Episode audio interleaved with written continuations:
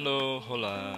Ketemu lagi dengan Robert di sini. Semoga tidak bosan karena ini kita sedang bicara tentang oke, okay, membahas tentang ekonomi material. Subtemanya adalah game theory. Ini merupakan jawaban untuk soal ujian akhir semester nomor 6. Pertanyaannya adalah jelaskan pengertian game theory dan mengapa game theory ini diperlukan kemudian strategi dan dapat dipergunakan dalam game teori. Kemudian ada contoh kasus di tabel. Nanti kita disuruh memilih strategi yang terbaik bagi perusahaan A dan perusahaan B itu apa. Oke kita mulai dulu dari game teori itu apa. Pengertiannya apa bersama-sama ya game teori atau terjemahan bebasnya adalah teori permainan adalah ilmu yang berhubungan dengan pengambilan keputusan ketika dua atau lebih pelaku yang cerdas dan rasional terlibat dalam konflik atau kompetisi. Kompetitor dalam permainan tersebut itu disebut dengan players. Model game teori ini berbeda dengan model pengambilan keputusan dalam kepastian dan pengambilan keputusan dalam resiko ya. Ini beda. Jadi ini bedanya di mana? Satu, persaing pesaing mengambil keputusan dalam model game teori ini adalah pesaing yang aktif dan rasional, berbeda dengan keputusan dengan uh, model kepastian dan resiko atau resiko di mana pesaingnya itu pasif. Gitu ya. Ini aktif, jadi saling saling dapat sesuatu. Dalam model game teori, kriteria keputusannya maksimin atau minimax, sedangkan pada model pengambilan keputusan dalam model kepa, uh, kepastian atau risiko. Kriterianya adalah maksimalisasi atau minimalisasi. Jadi sebuah game itu dimainkan ketika masing-masing player memilih salah satu tindakan.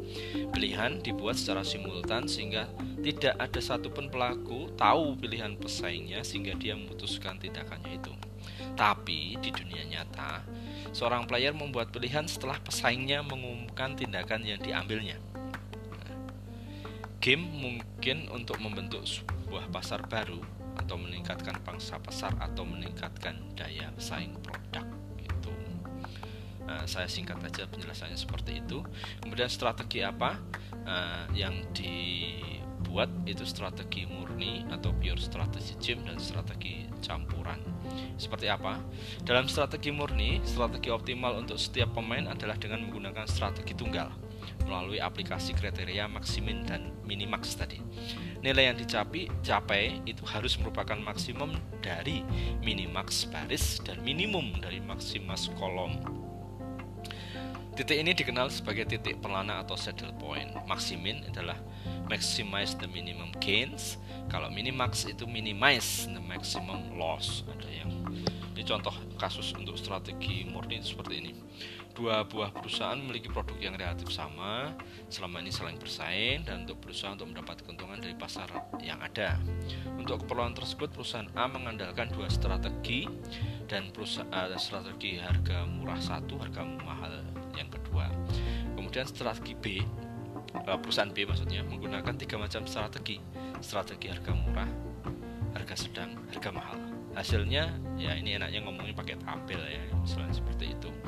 Untuk perusahaan A itu strategi murah. 1, S1, S2 sementara B itu ada S1, S2, S3 gitu.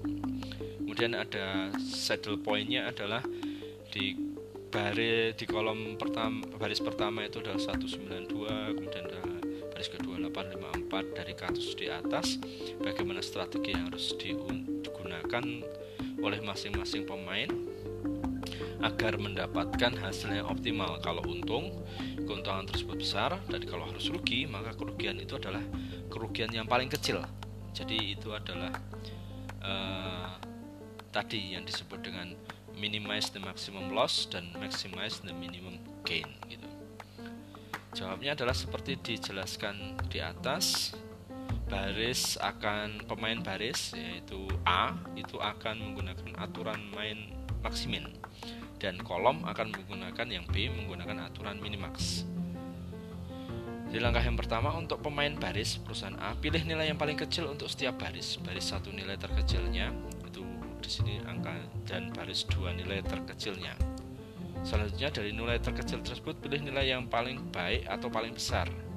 Jadi karena di sini contohnya itu saya ada baris angka 1 dan angka 4 maka yang dipilih misalnya nilai yang paling 4 yang paling besar. Untuk yang pemain B ini nilai yang paling besar untuk setiap kolom. Kolom nilainya terbesar kemudian dari masing-masing kolom. Selanjutnya tiga nilai terbesar itu pilih nilai yang paling balik atau paling kecil bagi B kalau misalnya ya tiga lihat aja yang paling kecil mana kolomnya. Di sini adalah nilai 4 misalnya gitu ya rugi yang paling kecilnya di situ.